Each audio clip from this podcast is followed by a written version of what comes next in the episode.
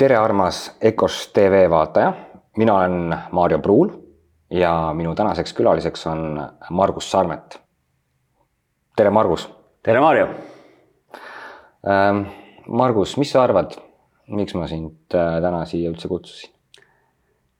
ma arvan, et ma saan sellest kohe varsti teada miks sa mind siia kutsusid? ma kutsungi enda, enda saatesse inimesi, kes on mind elus inspireerinud, millega sa arvad, sa võiksid olla äh, mind inspireerinud?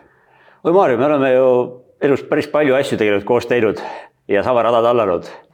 et äh, eks võib-olla ma olen sulle mõnes kohas natukese, natukese inspiratsiooni jaganud ja ka kindlasti vastupidi, et, et see pendeldus ja peegeldus on päris palju meil siin elus koos käinud, et, et ma kuulan huviga, kus on mul õnnestunud seda teha. ja äh, ma võtan esimeseks sinu nagu isiku on ju, sina kui Margus Sarmet, sa oled minu jaoks olnud alati niimoodi, et äh, ma ei tea, kaua me tunneme, kaheksa-üheksa aastat. midagi sinna kanti jah. jah, ja siis äh, on mis iganes üritus, mis iganes äh, olukord, kus ma sind nagu näen, see sinu energia, sinu power, mis sinust välja kiirgub äh,. selline isegi maskuliinne, võtaks kohati, kohati tugev meesenergia äh,. ma olen sind hiljuti näinud äh, erinevaid saateid juhtimas, laagri, laager oli selle saate nimi. Eh, seal vaatasin, kuidas sa inimestele söödad sisse eh, soolvett ja, ja, ja paned neid mingisuguseid kaali jumala praktikaid tegema ja ja, ja järgmisel hetkel ma tean, et sa oled hoopis järgmises saates, kus sa oled hoopis Eesti tippspetsialist ehitusalal.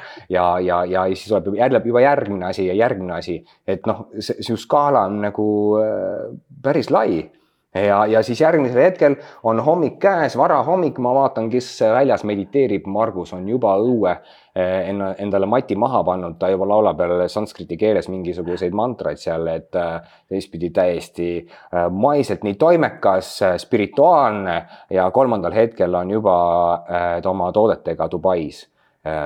noh, lihtsalt minu jaoks on seda energiat nii palju, et sa jõuad kõike teha. oi, aitäh sulle, Maarja. ja aga inimene peabki olema mitmekesine, siis ei hakka igav.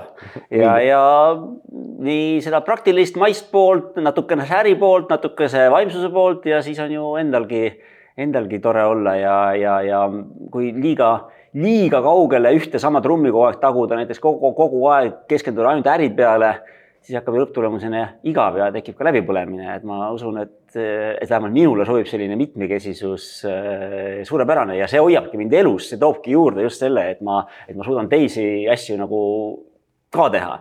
ja, ja lisaks nagu noh, ma katsun maailma vaadata sellise holistiliselt või mitmepalgeliselt, et kõik asjad mõjutavad kõiki teisi asju, et, et kui sa oled äh, iseendaga rahul eks ju, siis ilmselt su äriasjad lähevad paremini. kui su äriasjad lähevad paremini, siis sa saad pühendada rohkem ka vaimsusele, iseendale. et see iga asi toetab midagi, et, et jaa.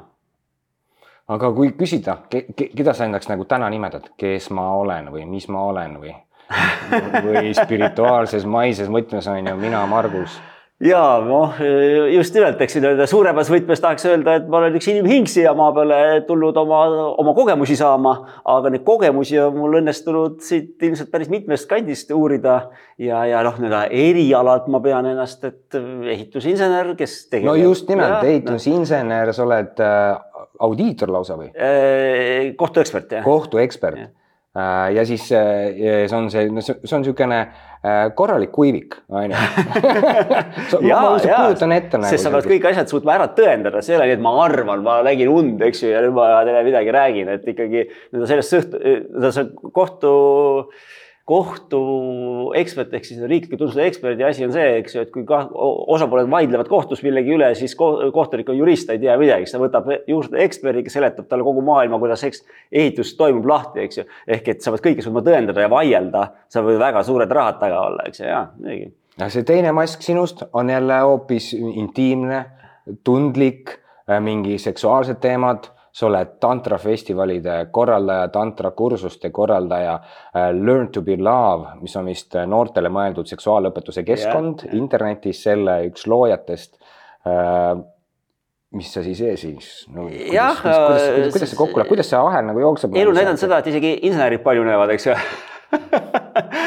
et äh, aga see ongi see, et, et kui mingis valdkonnas sa pead olema väga-väga nagu selline konkreetne väga,, väga-väga strikt, väga põhjendatud väga,, väga-väga analüütiline, siis, siis ongi mingisugune teine valdkond äh, hea juurde tuua ja ma armastan seda ikkagi kirjeldada nagu niimoodi, et, et tegelikult see ei ole mitte midagi muud, vaid see on sellele samale asjale vaade teisest küljest, eks ju, noh, et sina vaatad sealtpoolt seda mu kätt, mina vaatan siitpoolt kätt ja see asi tundub erinev, tegelikult me kirjeldame sama, sama ühte kätt ja, ja, ja see on nagu maailmast nagu terviklikuma pildi. pildi mm. -hmm. Mm -hmm. aga on see lihtne? minu nagu... jaoks on see lihtne, ma väga naudin seda meil just lõppes siin, äh, oli neljapäevane kursus tantra, tantra edasijõudnule või tantra kaks, eks ju. ja no tõesti ja need päevad jutti, eks ju, vedada kogu gruppi põhimõtteliselt äh, partneriga koos äh, nii-öelda duublisse väga-väga meeldis, see on väga-väga kihvt ja sama hetkel, eks ju, sellel nädalal mul on kaks kohtuistungit, eks ju, ma kohe huviga valmistan need ette ja lähen nii-öelda sinna selgitama inimkonnale. see toidab mind, see on, see on kihvt ehm, ma, ma toon ühe näite sellest ka laagrisaatest. noh, sa, sa, sulle meeldib vist katsetada mingeid piire ka või absoluutselt no., selleks. avastada ja katsetada neid piire sa, sai seal, sai päris palju nagu eksperiment, eksperimenteeritud või sa olid toonud sellesse saatesse siis mille enda elus kogetud praktikad või kogusid nad kuidagi kokku ja panid inimesed või sa olid varem juba seda kõike nagu näinud? no ma ei õpeta kunagi katsetanud. midagi, mida ma ise enda peal katsetanud ei ole, et selles suhtes see oleks muidu silmakirjalik. et ikkagi ma pean omast kogemusest teadma, et kas, mis asi töötab ja kuidas, mis asi töötab, et jah. no Margus, et aga miks sa seda teed? Kas see on sinu nagu hobi, on see sinu elutöö, mis? see on minu võimalus anda, anda ühiskonnale tagasi. Ehk et ma olen tänulik selle eest, et, et mulle on antud see võimalus ja, ja, ja see on minu võimalus anda tagasi. Ja kusjuures ma ju suhtlen nende laagrisaate nii-öelda klientidega, eks ju, siiamaani mingil määral Facebookis ja, ja, ja see on tegelikult imeline, imelis, imeline, et, et kui palju selle lühikese ajaga inimeste elud, inimesed tänavalt, eks ju, nad said kui palju muudatusi, kui palju inspiratsiooni, kui palju muredest äh, üle või oma elus edasi, et see on hästi-hästi ilus, et. Äh. ma, ma tahan tänase nagu äh, saate nagu keskenduda natuke ka meestele. et mis sina arvad, et see tänases ühiskonnas, tänases olustikus olla mees, on see lihtne olla mees, mis sa näed, et kus, sa tead ju, kust me tuleme, on ju, sealt äh, Vargamäe Andrese moodi oleme soid ku, kuivendanud kõvasti. võib-olla samaaegselt keegi on nipernadit jooksnud, on ju, aga, aga, aga see, see olustik ja see tänapäeva olustik, kus sa pead välja tooma seda muud tundeelu nagu rohkem ennast näitama. no ma arvan, et selle Vargamäe Andrese ja tänase päeva vahele jääb veel üks pikk periood, eks ju, mida me võib-olla natukene rohkem oma lapsepõlvest mäletame, mida me mäletame läbi oma vanaisade, läbi vanaisade, eks nõukaaeg kus, eks ju, tundeelu ja intiimsus ja, ja kõik see pool, ka seksuaalsus, eks ju, noh, paremal juhul oli ta teki alla surutud, väga ära varjatud, eh, halvemal juhul see puudus, eks ju. noh, aga me ju õpime oma käitumust lapsena oma eeskujudelt, et. no Andresel see kindlasti ei puudunud, ta oli päris nagu viljakas. produktiivne. produktiivne vend oli ikka. aga noh, ma räägin nõukaajast, eks ju, seal no, oli jah, see asi nagu niisugune keerulisem aga eks see on meil kuskil geenikoodis sees. et, et nii-öelda elu edasi kanda, aga samal ajal seda elu tuleb ka ju kuidagi või, või oleks kena, kui seda elu õnnestub meil ka nautida. ja, ja, ja ega siis ühtepidi, eks ju, nii-öelda meestele heidetakse ette või antakse käsk, et tapa mammut, eks ju, ja teine hetk äh, on see käsk, et, et noh, et. ole tundeline. täida mu vajadust, eks ju, nii, nii verbaalselt, nii visuaalselt, nii, nii puudutuse mõttes kui kõiges muus, et. et need samad käed peavad seda oda hoidma ja peavad ka silitama no ma küsingi, on see lihtne? no sa, sa oled nii palju mehi, meeste nagu selles mõttes seda arengut nagu kõrvalt nagu näinud ja nüüd sa veel hoiad nagu selle, me tulime sealt laagri saate poole pealt on ju, see oli juba vist, kas see suvi või? Äh, see oli kaks suve tagasi. kaks suve tagasi juba ja siiamaani sa ju noh, näed seda võib-olla mingisugust äh, äh, arengut, mis on juhtunud, me ei pea vaatama neid inimesi eraldi, aga mis on nagu siis vahepeal juhtunud? no ma näen tegelikult äh, selle arengut igas äh,, igas äh, sellises paari kursuses, igas startup paari kursuseski, eks ju, kus mm, -hmm. kus, kus tuleb paar, meil kõigil on oma taak, oma seljakott, oma jamaga, eks ju, ja siis kuidas need asjad hakkavad nagu juba mõne päeva jooksul väga ilusti lähenema äh,, lahenema. juba sellest inimestel tekib see mingi perioodikene üksteise jaoks aega, eks ju, paari suhtes. noh, seal paari suhtes püüamegi täita kõiki funktsioone, käia tööl, kasvatada lapsi, majandada kuidagi elamine ära ja nii edasi, eks ju, ja, ja tegelikult lõpptulemusena paari suhtes siin väga palju aega teineteise jaoks ei jäägi. et kui paar juba on korra tulnud kuhugi kursuselegi näiteks, siis neil on see kolm või neli päeva üksteisele ja juba hakkavad probleemid lahenema. kas oled minuga nagu nõus nagu selles mõttes, et ikkagi sinna paari kursustele natuke nagu see juhtimine käib läbi naiste? et kas on niimoodi, -hmm. mitte alati mm, -hmm. on ju, aga noh, ikkagi naine tuleb, tema tahab olla see, eh, kes siis ootab midagi enamat sellelt mehelt, kes kodus on, võib-olla peab mingis, mingis mugavustsoonis on ju, ta tahab midagi enamat kogeda ja ta teab, ta tajub midagi, et enamat on kuskil midagi olemas, võtab oma partneri kaasa, et kuule, lähme proovime, lähme kogeme.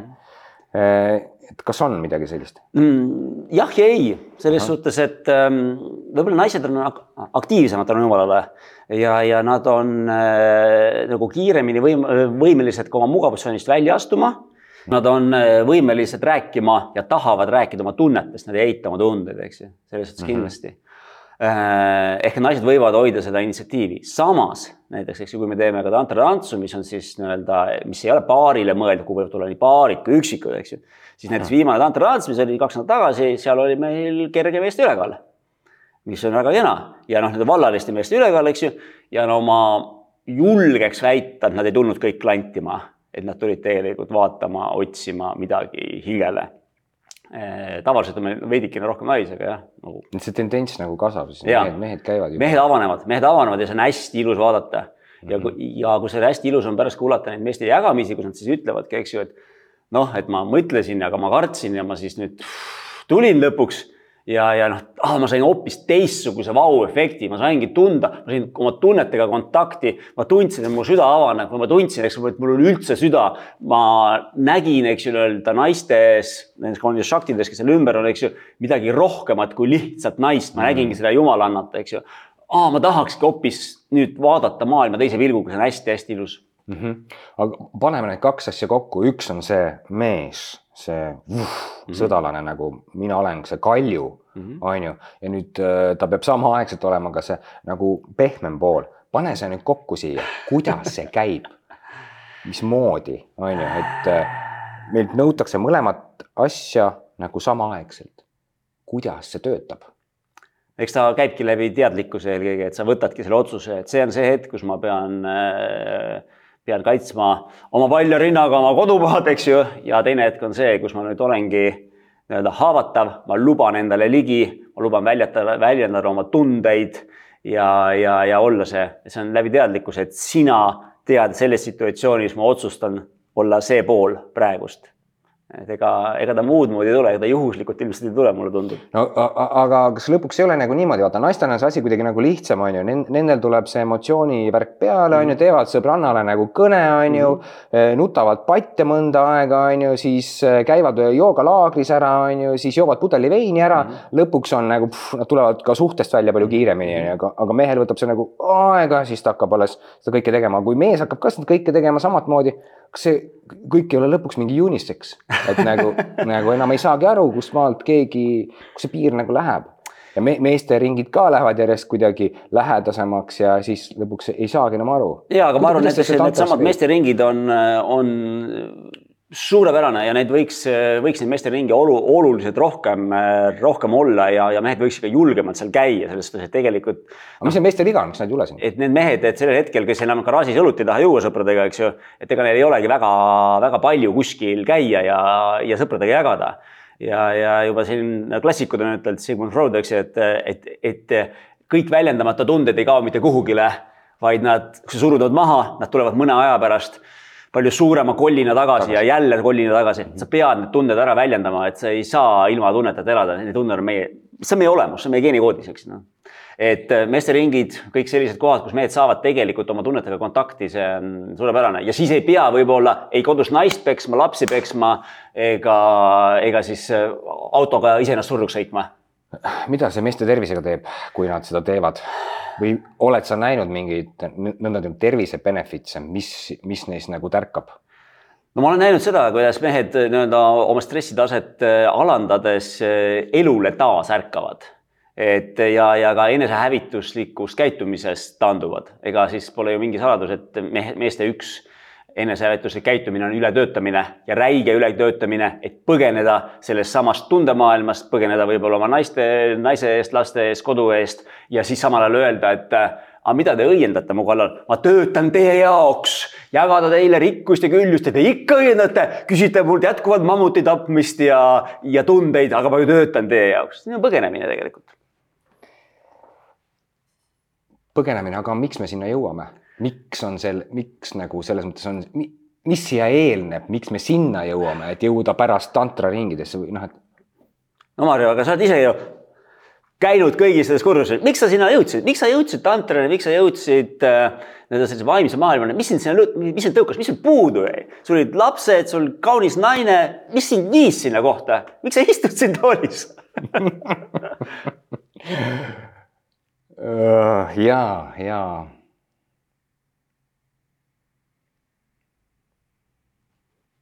väga hea küsimus. Midagi oli siit veel puudu, eks ju. midagi oli nagu veel puudu, mingi koht oli puudu, ma ei olnud päsi, ma ei olnud iseendaga kontaktis. ehk siis äh, ma tegelikult otsisin, ma otsin ennast jätkuvalt, ehk see on see lõputu iseenda otsimine. ja ka nendelt kursustelt ma hakkasin iseennast nagu leidma, sellepärast ma tegin mingid kohad lahti endas. Just ja ma sain olla ausam iseenda vastu mm -hmm. ja läbi selle aususe iseenda vastu sain olla ausam välismaailma vastu ehk siis olin aus täpselt sama palju, kui ma olin iseenda vastu. ehk siis on see ausus on alati see koht, ma ei saanud kohe olla lõputult ja tühja, täitsa selline ausus, et on ju siis maailm võib ka katki minna nagu mu ümber, aga sa, sa nägin, et ma olen iseennast nagu natuke trikitanud, kas sa ka trikitad ennast vahepeal? no absoluutselt ja teiseks ju jõle põnev, et mis siin kivi all on, eks ju mm. -hmm. vaatad, eks ma pole iialgi siia kivi alla vaadanud, aga vaataks ja siis ta veeretad see kivi, oh pekki, mis kolli sealt tuli ja just sellel hetkel, kui sa arvad, sa oled maailma kõige paremas kohas, eks ju. oo, ma olen tegelenud iseendaga aastaid. kivi. ja Pandora tuleb välja, kogu Pandora laegas lendab uuele, uuele ringile, eks see on seesama spiraal ju. nagu eluring, nagu käib kogu aeg. spiraalitame, spiraalitame mm -hmm. muudkui kõrgemale ja ikka neid kolje tuleb. kus me siis jõuame, sina spirituaalne mees, kuhu me, kus see spiraal viib siis?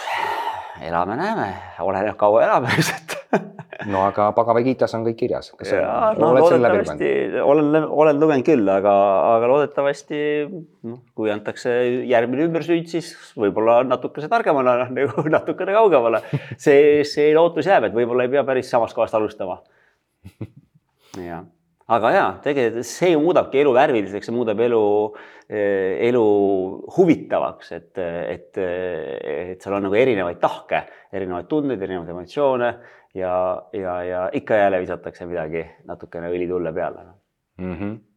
jah, aga ja sa küsisid meeste tervise kohta, et noh, kahjuks või õnneks jah, nendesse meesteringidesse aga ka noh, teistesse tant-, nagu näiteks minu poolt organiseeritud tantraüritustele mehed jõuavad äh, tihtipeale sellisel hetkel, kui nad on juba kriisis või on seal kriisis juba pikemat aega olnud ja nad noh, on lõpuks olnud valmis otsima abi, noh nagu need stereotüübid meestest räägivad, eks ju, ma iialgi ei küsi teed ja ma iialgi ei küsi abi ja, ja, ja, ja, ja nii edasi.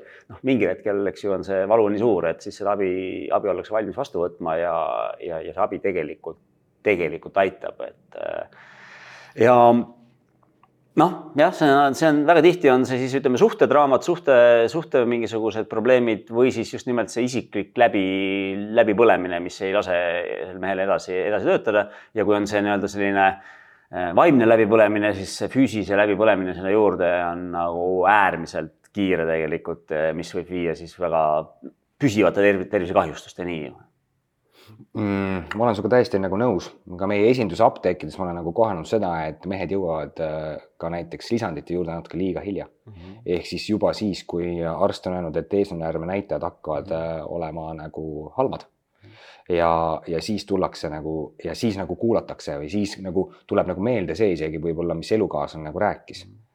no tegelikult me võime sealt veel sammu ettepoole vaadata, me vaat, võime vaadata üldise toitumuse peale, eks ju. noh, see ei ole mingi saladus, eks ju, et meeste toitumusharjumus on veidi, veidi, veidi ebatervislikum kui naistel.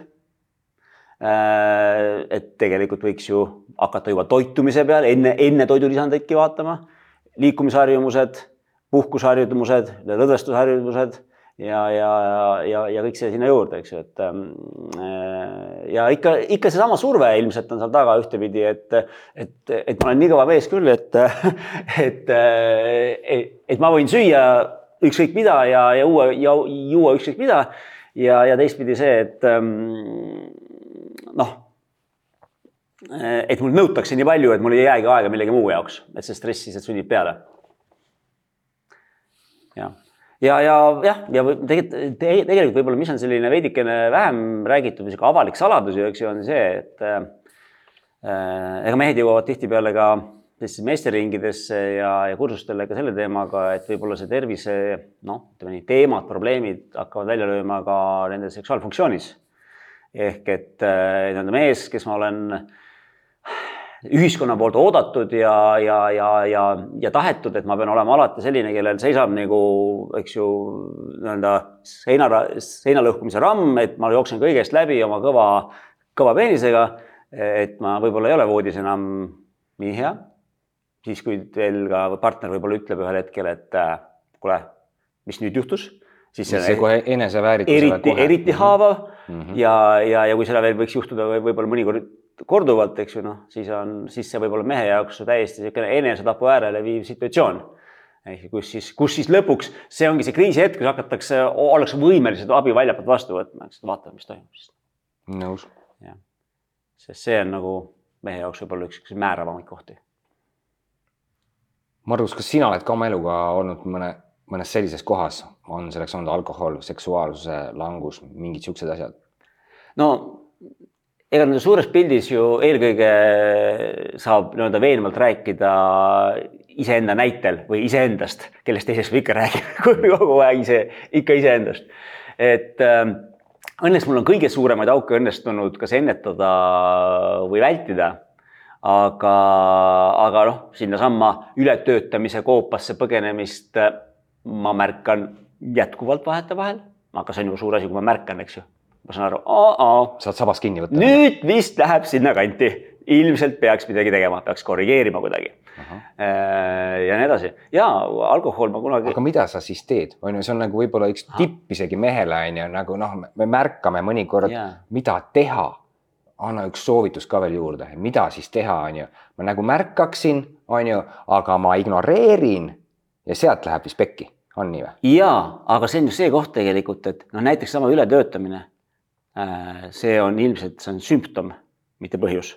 ma pakun ja mhm. mehed, kuule mehed, kui te vaatate seda, siis mõelge selle peale sügavalt ja mõelge siis teinekord veel, kas see on põhjus stressiks, et ületöötamine on, on põhi, on stressi põhjus või see on sümptom, mis sind tegelikult üle töötama ajab, eks ju. kas see on kodused suhted äh,, alaväärsuskompleks, hülgamishirm mingisugune ma ei ole, ma ei ole piisavalt hea, eks ju. mis on tegelikult see, me siin Eestis, noh, me ikka elame ikka pagana hästi, eks ju, tegelikult nagu üldises plaanis ikka pagana hästi, eks ju. ja mis nüüd paneb seda meest, sind, meest seal niimoodi pingutama, et sa oled valmis läbi põlema. Sa valmis nagu põhimõtteliselt loobuma nagu õigesti, eks ju. kas on see materiaal, materiaalse maailma nagu case ikkagi, ma võtan selle vastutuse, mul on nagu perekond, on ju, võtsin naise, lapse mm, -hmm. nüüd on, tekib nagu pangalaen, kas see on nagu mingi ahelreaktsioon või? ja, aga, aga vaata, aga kas seal on, okei okay,, pangalaen, sellest on hästi tore rääkida, eks ju, pangalaen, aga ikkagi see, et naabrimehe auto on natukene, natukene ilusam, ma tahaksin ka sellist, ma töötan veel ühe tunni päevas mm. -hmm. ehk siis materiaalsus ikkagi. aga, aga mis seal taga on, eks ju, seal taga ei ole ju materiaalsus, seal taga on tegelikult see, et see on nagu see not good enough, eks ju. miks ma ei või selle vana käruga veel kolm aastat sõita, võin küll. aga naabrimehel on auto parem, ma ei ole piisavalt hea, ma nüüd noh, see on lapsepõlvest saadik sisse sünditud, süstitud mingisugune teema, eks ju, see on lapsepõlve, lapsepõlve trauma, et ma ei ole piisavalt hea ja ma pean selle paganama uue auto saama. no ja kui kaua sa naudid uut autot, kõigil, kellel on uus auto olnud, eks ju, kui kaua naudid. sa lõpuks ei naudi seda. no ma arvan, mitte lõpuks, vaid juba teise nädala lõpuks ei naudi. jah, sa enam ei märkagi seda tegelikult eks ju. ja, ja, ja, ja ma olen kunagi väga uhke autoga sõitnud ja mu naine sõitis sellega ja siis ja kes lõpuks märkas, oli üks eh, Soome härrasmees ühes parklas, ütles, et äh, armas naisterahvas, kas te pargiksite oma auto natukene kaugemale, ta on nii ilus auto, et siin ta lõhutakse nagu ära ahah, aga milline kergendus oli lõpuks ka sellest koormast nagu vabaneda Jah. ma läksin oma autoparki, võtsin oma kõige vanema auto, mis mm Mhm. -hmm. oli sellel hetkel ja ma sõitsin sellega kasvõi metsa nagu selles mõttes, Just. lähed, lähed seenele sellega Just. ja milline kergus, just. milline kergus. noh, nii ta kipub olema tegelikult, et ühtepidi me püüame seda materiaalsust orjata, teistpidi mingi hetkel märgata ja seda, et, et kui suur piirang on asjad.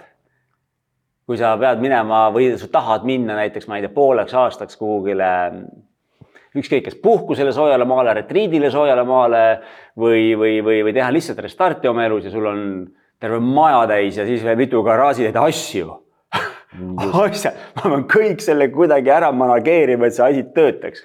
paganama keeruline. sina spirituaalse mehena, kuidas sa paneksid siia lause juurde, mis paljud õpetajad räägivad, et sa saad kõik, millest sa loobud? Et mis asi see siis on? kui, kuidas ma loobun kõigest ma saan selle kauni auto või nagu Osho lõpuks oli väga suur lai autopark. ja kui Osso, Osso, Osso lahkus Indiast Indiast välja visati, siis ta teadupärast oli läinud kolmesaja kuuekümne viie Cadillaciga igaks päevaks üks et käige minu sõnade, mitte minu tegude järgi võib-olla. aga, aga kindlasti ei olnud Ossol ka eesmärk selle mammonat taga ajada. õige mees õigel ajal õiges kohas et ma arvan, et esimese asjana tuleb vaadata, et kas ma tegelikult seda, neid asju, neid asju vajan, kas need, need asjad teevad mu tegelikult õnnelikuks, eks ju. ma ei tea, kas Osso oli sellest õnnelikum, et tal oli kolmsada kuuskümmend viis Cadillaci. tõenäoliselt ta ei nautinud neid asju väga palju. et, et aga mida me naudime tegelikult, pisikesed asjad, eks igas päevas see, et su suhe on hea, et sa suudad oma, oma, oma partneriga lähedane olla, oma tundeid väljendada, pakkuda talle ja saada talt seda, mida sa tegelikult vajad.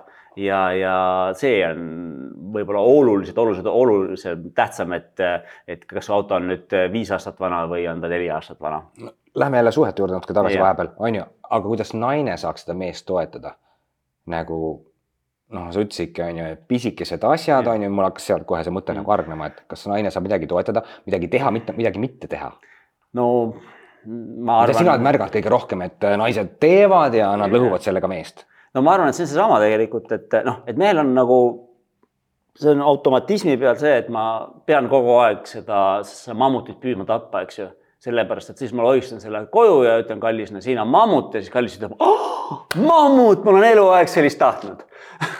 Et, et tegelikult kallid naised ka, et noh, märgake siis neid väikseid asju, mis mees toob, et, et siis ta ei pea neid ületunde tegema nii palju ja, ja, ja sulle et püüda sinu, sinu, sinu käest seda heakskiitu ära teenida, et märkage neid väikseid asju et, et, et, et see mees saaks selle mammuti koju toomise efekti no,. mis siis jama siis, kui neid väikseid asju ka enam ei tule, noh, naine on rahulolematu juba on ju, neid väikseid asju ka. jaa, see rahulolematu naine on keeruline asi. naine võiks nagu teha niimoodi, et, et sealt tuleks see rahulolu ka veel on ju, et, et mitte siis seda mammutit püüdma saata seda meest või kuidas siis seda no,, kuidas, kuidas naine võiks juhtida? ja ma arvan, et see on jälle seesama koht, kus siis äh, see armas paarikene võiks korra maha istuda ja rääkida kumbki pool oma vajadustest. sa, arvad, et suhtlemine on lahendus suhtlemine on kõikide asjade lahendus et, et tegelikult, mida sina vajad ja mida mina vajan ja mida me saame siis üksteisele pakkuda. kommunikatsioon. kommunikatsioon just ja võib-olla leppidagi kokku, et ütleme siis iga õhtu, et mis oli tänases päevas sinu jaoks ilusat, mis oli minu jaoks ilusat. mitte see, et me ütleme alles siis, kui, kui juba. Miks need sokid seal vannitoa põrandal vedelevad? eks ju, kallis, sa oled nii äge, sa täna panid oma sokid puslepesukasti, see on ilus. sa panid isegi täna pesumasina käima. on äge, sa õpid. jälle väike asi ja kui ta seda on suutnud ära teha, et ta kiida teda, siis ta. no ei, ma ei taha siin öelda, eks ju, et kiida lolli, lolli, lolli jookseb, eks ju, aga, aga märkamine, vasta, vastastikune märkamine, et ja, ja just enda vajaduste väljendamine, sest kui ma ei tea, mis on minu kaaslase vajadused ja tema ei tea, mis on minu vajadused, kuidas me saame neid täita? senikaua, kuni, kuni sa ei küsi. me ikka ja jälle räägime sama, sama näidet oma koolitustel ka oma partneriga, et, et, et sa pead väljendama vajadust. kui sa istud õhtul seal teleka ees, kõrvuti diivaniga, sina ja sinu kallis naine, vaatate seal mis iganes ja mõlemad istuvad ja mõtlevad, et pagan küll, ta võiks ju tulla mult ümber kinni võtta. ja teine pagan küll, ta võiks ju tulla, panna oma pea mulle sülle. aga ma ei ütle, sest ma olen nii kange ja ma olen solvunud selle, selle, selle ja sellepärast ka veel mm, -hmm. eks ju no siis sa istud selle äärmine kuradi kolmkümmend aastat, senikaua nagu üks pole ära surenud et, et noh, väljenda ennast, räägi läbi. Viia seda emotsioonist välja. too see nähtavaks on ju, mis on su soov tegelikult jah, ja mõlemad pooled. ja ma tean ise oma, oma isiklikust äh, praktikast ju, et see ei ole vahel üldse nii mitte nii lihtne, aga, aga tulemus on nii palju väärt, et noh. kuidas sul oma suhtega läheb praegu, mis, mis, äh, teil on päris pikk suhe juba oo oh jaa, kuu seitsmes aasta jookseb jah. seitsmes aastas jookseb mm -hmm. üks, öeldakse seitsmene tsükkel. ja, ja, ja see seitsmene tsükkel. ei no eks see seitsmene tsükkel ikka vahel annab tunda ja, ja ega ta ju kerge ei ole, aga, aga noh, tuues sedasama juttu, mida ma siin räägin, püüdes integreerida oma, oma praktikasse, tehes sedasama, elades kõiki neid samu valusid läbi ikka ja jälle ega rääkida on lihtsam kui teha. ma usun, et tuleb neid seitsmeseid tsükleid äh, nagu rohkem jah mm. -hmm. Ähm, ma toon veel naised siia nagu mängu sellega, et aga et äh, kui küsisime korra seda nagu naiste poole pealt, et kuidas siis äh, naine võiks juhtida, et anda talle seda nagu tunnustust, mhm. toetust, on ju, aga mida naised siis vajavad? no eelkõige me oleme, mine küsi oma kalli naise käest, mida ta vajab mida ta tegelikult vajab, mida ta tegelikult. aga siis kaob ju mängu ilu ära äkki, et naised ju tegelikult tahavad, et sa nagu aimaksid nagu, mida ma tahan no jaa. kus see trikk jälle, jälle nagu väike no, trikk. ja siis, kui ma selle kohe ära räägin, no siis kaob ju mängu ilu. Ja sa võid ju võtta, noh, suures plaanis me ju teame, eks ju, me kõik vajame tähelepanu, sina vajad tähelepanu, mina vajan tähelepanu, nõu me tähelepanu saame, sellepärast me siin kaamerate ees pärast istume, saaks tähelepanu, jõle äge. eks inimesed vahivad sealt üle, üle, üle Eesti ja me saame tähelepanu, jõle hea tunne. On. aga koduses keskkonnas samamoodi, eks ju, mees vajab tähelepanu, naine vajab tähelepanu võib-olla see tähelepanu viis on natukene, natukene erinev, see on ka erinevate inimeste, erinevate naiste, erinevate meestel erinev, aga märka teda, tee talle kompliment, ütle, et sa näed täna just selles kleidis suurepärane välja, mitte ära ütle, et ära kooserdasin jälle selle vana kitliga, eks ju. kui ta ükskord paneb selle kleidi selga, siis too see välja, märka, kui käis juuksuris, märka, kui käis, ma ei tea, küünetehnikus. Märka, kui on hea toit, märka, kui on äh, lapsed õpetatud ja, ja, ja õigel ajal magama saadetud, eks ju, pisiasjadele samamoodi, mitte nii kuule, sina oled naine, sinu asi on lapsed ära õpetada, mine nüüd, eks ju. et äh, ja küsi just nimelt, et. Äh, äh, ma arvan, et ma toon ühe teema veel siia juurde, on selline retriit nagu pimeruumi retriit mm. -hmm. ehk sina oled seal käinud, mina olen ka käinud mm. -hmm.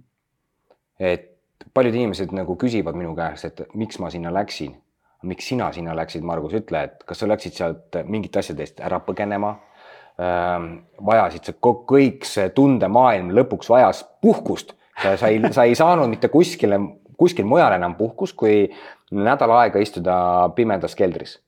aga ma näen, et see trend nagu Eestis nagu kasvab ja inimesed, inimesed on seda teemat nagu järjest äh, oma lauale nagu toonud nagu läbi selle, et Urmas Sõõrumaa mm -hmm. siin just saab valmis värske pimeruumid mm, -hmm. pimeruumide kompleks lausa ja, ja, ja ja paljud on käinud just äh, tulele juures pimeruumis nagu me mõlemad.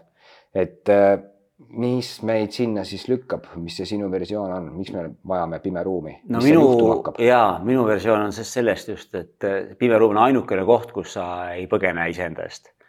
jah, et igal pool mujal sa suudad põgeneda enda, e, e, on võimalik põgeneda endast, kas põgened töösse, põgened sporti, põgened meelelahutusse, ükskõik kuhu, pimedas ruumis põgeneda on väga keeruline, seal on pime, seal ei ole, seal, seal sa ei tohi häält teha, seal sa ei saa muusikat kuulata, seal ei ole cell phone'i, seal ei ole mitte midagi. kellega sa siis kohtud või kellega sina kohtusid? iseendaga, puhtalt iseendaga? jaa, iseendaga, kusjuures ma praegust, noh, ma siin mõni aasta tagasi, ma käisin pimedas ruumis päris, päris mitu aastat tagasi ja aastaid hiljem ma sain tegelikult aru, et ma, ma siiski proovisin põgeneda süstemaatiliselt. ma arvasin, et ma olen jõle, jõle tubli poiss. tegin niimoodi, et kui ärkasin, tegin seti hatha joogat, siis tegin äh, umbes tunde järgi tunnikese medi-, meditatsiooni, siis sõin, siis tegin seti kundalini joogat ja mõtlesin, ma olen kohutavalt hästi teinud, ma olen pimedas ruumis võtnud kõik, mis võimalik ja siis hiljem, aastaid hiljem ma sain aru, isegi seal mul õnnestus põgeneda, et leida omale tegevus ehk keskenduda millelegi muule, mitte ainult endale. pimedas ruumis, eks ju, sa oled ise endaga kakskümmend neli tundi päevas.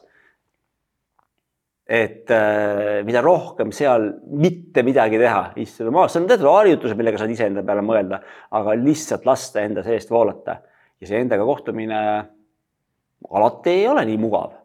Vahel on natuke mugavam, vahel natukene vähem mugavam, oleneb kui heas nii-öelda heas seltskonnas sa iseendaga oled mm.. aga, aga ja see on koht, kus ei ole võimalik põgeneda ja ma väga soovitan kõigile seda selleks jah, peab ennast mentaalselt hästi ette valmistama.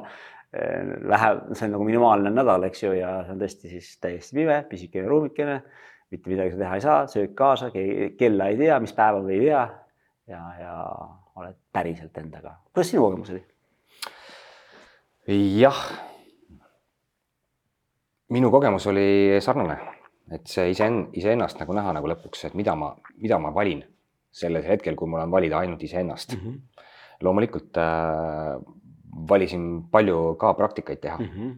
Sest seal on kogu mu aeg mm, -hmm. kõik minu aeg, minu keha, ma olen kogu aeg oma kehas kohal mm. -hmm. esimesed kolm päeva ma olin täiesti eufoorias ja ma mõtlesin, et ma kõigile kuulutan seda, et vähemalt kolm päeva mm -hmm. pimedas veeta, see oli mu elu parim puhkus mm, -hmm. nagu esimesed kolm päeva ja siis, kui ma ärkasin, mu mõtted juba korduvad mm. -hmm siis tuli see natuke sügavam töö, et eh, ma olin kaheksa päeva kokku mm -hmm. Ja natuke panin ka ajaliselt mööda ühe päevase une, kirjutasin öise une arvele ja pidasin oma arust arvestust ja läks äh, nagu sealt natukene sassi ja, ja see viimane päev oli juba vaimselt päris trikikas, et ja, et äh, ja ma pigem proovin märgata seda, mis ka peale seda toimus, kuidas ma nüüd olen nagu äh, tunnetanud sellist kohta, et kuidas ma ennast vahepeal trikitan. et trikitan sellega, et äh, ma nagu midagi saavutasin, ma nagu tegin midagi ära. Ja nüüd ma luban enda kehale midagi kosutavat näiteks, et äh, pakun talle midagi. Ja kui suur trikk on see, et kui sa midagi ära pakud, e-, et sa sellest ka järgmisel hetkel suudad kohe jälle ka loobuda. ja kuidas mõni asi tuleb ja sa näed, et sa pakud sedasama nagu meelehead juba oma kehale korduvalt mm, -hmm. saad aru, ahaa, et märkan seda kohta. Et sealt ka pääsemine oli nagu selline eufooriline ja sa tunned, et oh, nüüd ma olen nagu, nagu next level mm, -hmm. aga see on ka trikk võib-olla mm. -hmm. ehk siis jah, ja soovitan ka kõigile seda kogemust kindlasti oma elus äh,. tehke see üks retriit enda jaoks nagu ära ja seda saab hiljem väga hästi aktiveerida, ehk siis lähengi pimedasse ruumi, panedki ennast mõneks ajaks sinna lihtsalt, istudki vetsus tund aega kõik see kogemus jälle aktiveerub seal kehas ja sa oskad vaadelda oma elu nagu kõrvalt, oled nagu vaatleja rollis nagu rohkem, annab selle, selle ruumi. ja, jah, ma veel paneks juurde, et jah, et see kontakti ka iseendaga oluliselt, et nii noh, nii-öelda selle mindi ja füüsise integratsioon oli nagu, nagu ka väga hea, et sa ei saa nagu või noh, et ma ei saanud nagu ennast nagu nagu separeerida, et kõik oligi nagu üks kompleks kogu aeg nagu töötas ühe, ühe, ühe, ühe kompleksina, et see nagu ja suurepärane, suurepärane praktika ja. kas on seesama asi jälle, et me vaatame seda kuhugi jõudmist, paneme siia keskele ja see on lihtsalt üks viis lihtsalt jälle, kuidas nagu liikuda et kas sa teed hommikuti äh, sanskriti keeles mingisuguseid praktikaid või istud sa pimeruumis, on see tee sama, aga see liigub nagu lihtsalt äh, selle mäe teise külje pealt lihtsalt. ma arvan, et üks ei välista teist ja, ja, ja neid ilmselt mõlemaid kõike teha, teha koos on väga, on väga-väga hea äh,. aga pime ruum on ilmselt sihuke kiirend just nimelt selle iseendaga kontakti saamiseks ja ma olen kuulnud neid mitmeid inimesi just ütlemas, et miks nad, et nad tahaksid, aga miks nad ei julge sinna ruumi minna, just see, et see kontakt iseendaga võib-olla tekibki siis, et see nagu hirmutav. et kui see koll sealt kivi alt taas välja tuleb. no Margus, sa oled nagu päris palju iseendaga tegelenud, aastaid tantraga, äh, pimeruumis istunud. nüüd küsimus tantrast, eakuleeruda või mitte ja see on väga hea küsimus Äh, ma, ma toon selle küsimuse ja. sellepärast mm, -hmm. ma olen väga palju tantraõpetajaid kuulanud, üks räägib ühtemoodi ja teine natuke teistmoodi mm. -hmm. aga mis, mis sina ütled? ja et see on äh, väga hea küsimus ja eks iga õpetaja, iga praktik vastab ju oma koolkonnast lähtuvalt, oma praktik, oma kogemusest lähtuvalt. ja loomulikult ma tean ka seda, eks ju, et nii-öelda ametlik meditsiini seisukoht on see, et süstemaatiline purskamine on eesnäärmele väga hea. Samas enda kogemuse pealt ja, ja paljude sõprade kogemuse pealt ma ikkagi ütlen seda, et hoides väärt kraam, seeme iseendale ehk mitte teda raisata äh, ükskõik millisel moel, kas siis kraanikausse lastes, linade vahele lastes, kondoomi sisse lastes, naise sisse lastes, senikaua kuni sa last ei tee. kui lastad, siis loomulikult ei ole üldse küsimust. Siis äh, kogu see power, see energia, see, see, see vägi, mis su sisse jääb ja, ja, ja kuidas sa seda siis pärast kanaliseerid, teed sa kunsti, teed sa muusikat, teed sa sporti, teed sa äri, teed sa mis iganes. ehk kasutad sa seksuaal, seksuaalenergiat ära oma igapäevastes just, see on nagu selline, selline lisapower, et, et seda noh, välja pursata, raisata minu hing küll ei lubaks ja mina õpetan jah, mitte purskamist Äh, loomulikult see, seda ei saa teha niimoodi, et lihtsalt, et, et nüüd lõpetage purskamine, seksige küll, aga, aga, aga ärge pursake.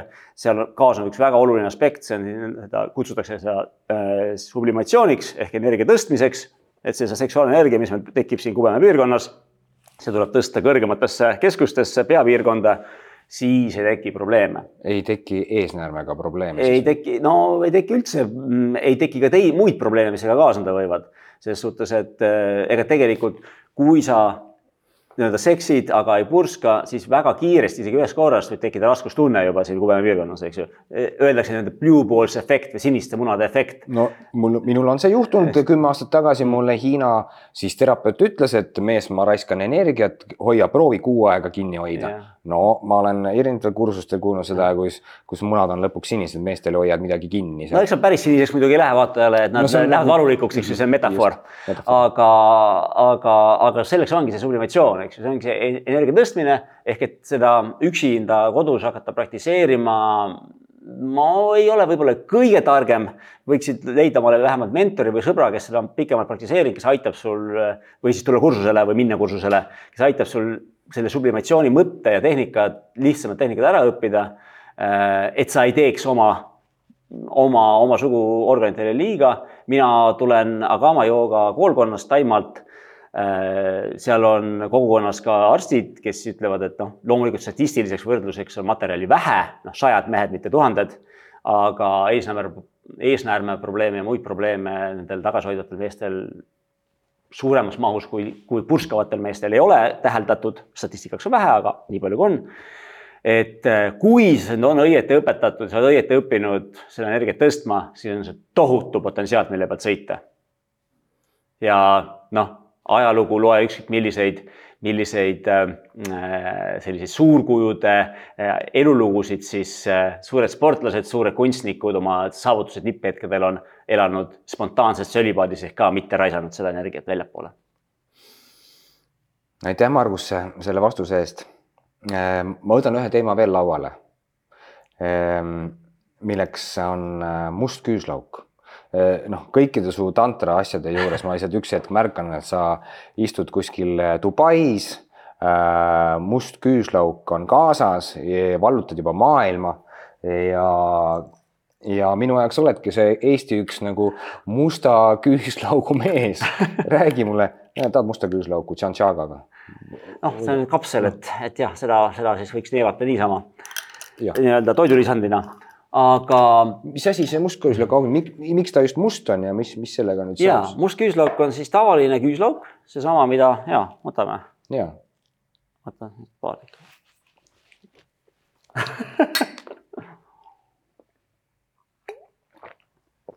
tegemist on siis tavalise küüslauguga, seesama, mida vanaema maasikate vahel kasvab.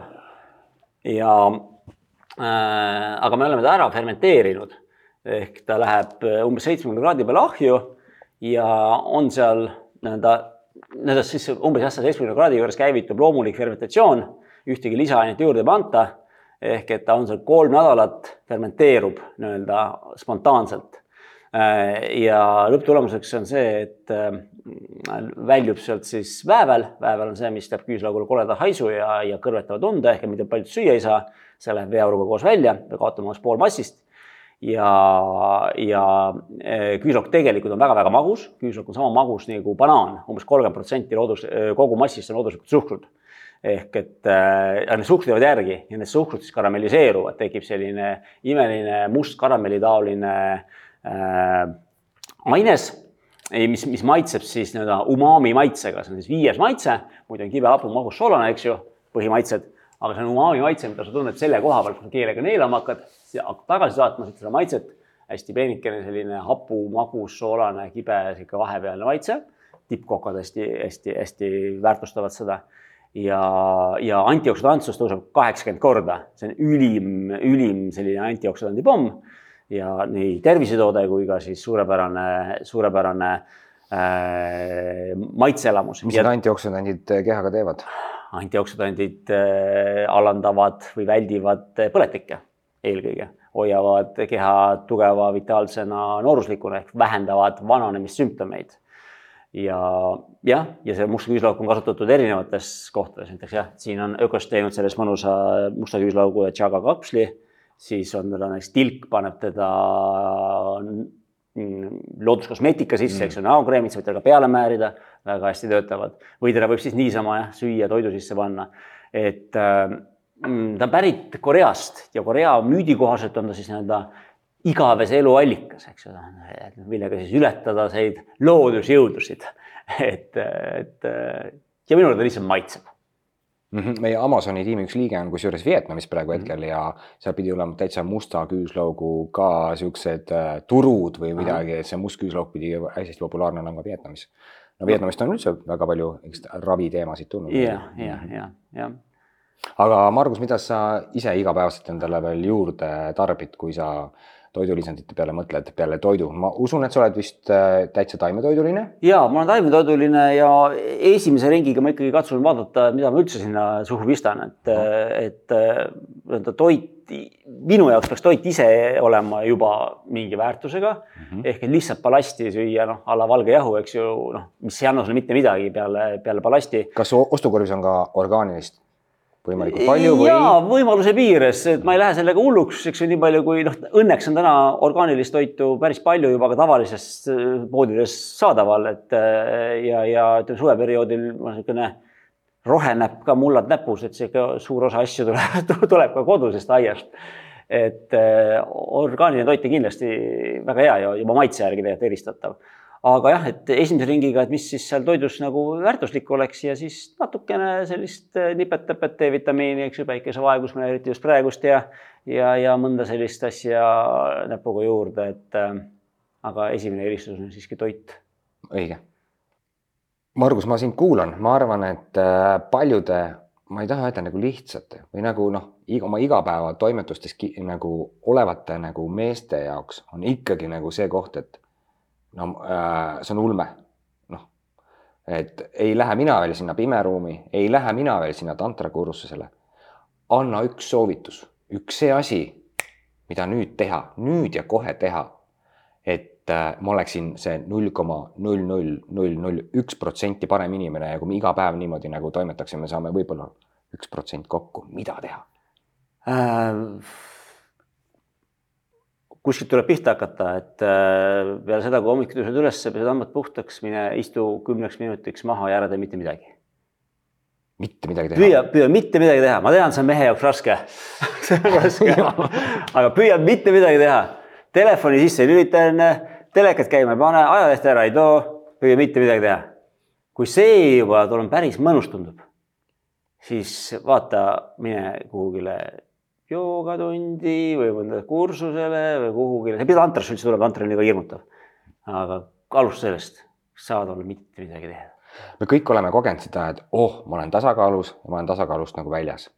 üks soovitus, kuidas seda tasakaalu nagu hoida, kui ma olen ühe korra seda nagu leidnud, millega seda nagu, kuidas see integreerida? oh, see ongi kogu selle järgmise elu eesmärk.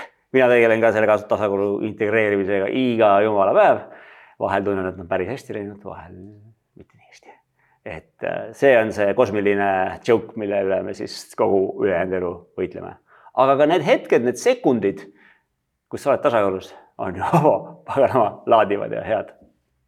üks välkküsimus veel, et äh, kui sul oleks võimalus valida üks supervõime, siis milline üks supervõime üks supervõime, üks supervõime mm. -hmm. Ma ja, ma arvan, et see võikski olla võimekus olla käsu peale ainult hetkes ja mitte midagi muud mõelda. ma arvan, et kui sellise supervõime saavutaks, siis see muudaks juba kogu, kõik, kõik muud aspektid nii kõvasti, et ülejäänud supervõimed kaasneks kõik sellega selle alt saaksid avaneda muud supervõimed. absoluutselt meie teine saatejuht äh, Kadri alati küsib äh, naist, naiskülaliste Aha. käest, et kui nad oleksid taimed, siis mis taimed nad oleksid. mina mõtlesin, ma küsin sinu käest, et kui sa oleksid loom, mis loom, aga sa oled taimetoitlane, ma küsin ikkagi, kui sa oleks taim, mis taim? on natuke feminiinne küsimus isegi natuke onju, et tavaliselt küsitakse naiste käest, et kus oleks taim, aga Margus, sina oleks taim, mis taim mm.? Taim mm. -hmm. ma arvan, et ma oleksin midagi või ma tahaksin vähemalt olla midagi sellist nagu näiteks on viinapuu või viinamari. ma olen mõned viinamari istutanud oma aed, mulle väga meeldib vaadata, kuidas nad kasvavad ja sest nad on hästi sellised paindlikud ja hästi nad leiavad oma teed ja nad ei noh, sa ei saa viinamarja maha murda, eks ju, nagu, nagu männipuud, et ta läheb oma, oma, oma teed, et see on muidugi ilus, ilus metafoor. otsib teed valguse poole hästi mitmel rindel. viinapuus võiks, ma arvan, hästi aitäh, Margus. aitäh. Äh, sinuga on koos olnud äh, igati põnev teekond. Mm, see see aeg, mis me oleme tundnud, väga põnev intervjuu oli. Äh, aitäh, et sa tulid mu külaliseks ja loodan, et kohtume mõnel järgmisel üritusel kuskil. Aitäh sulle, Marju, aitäh kutsumast ja võimaluse eest oma maailmapilti jagada. aitäh, vaatajad, et leidsite aega meie saadet vaadata. järgmise korrani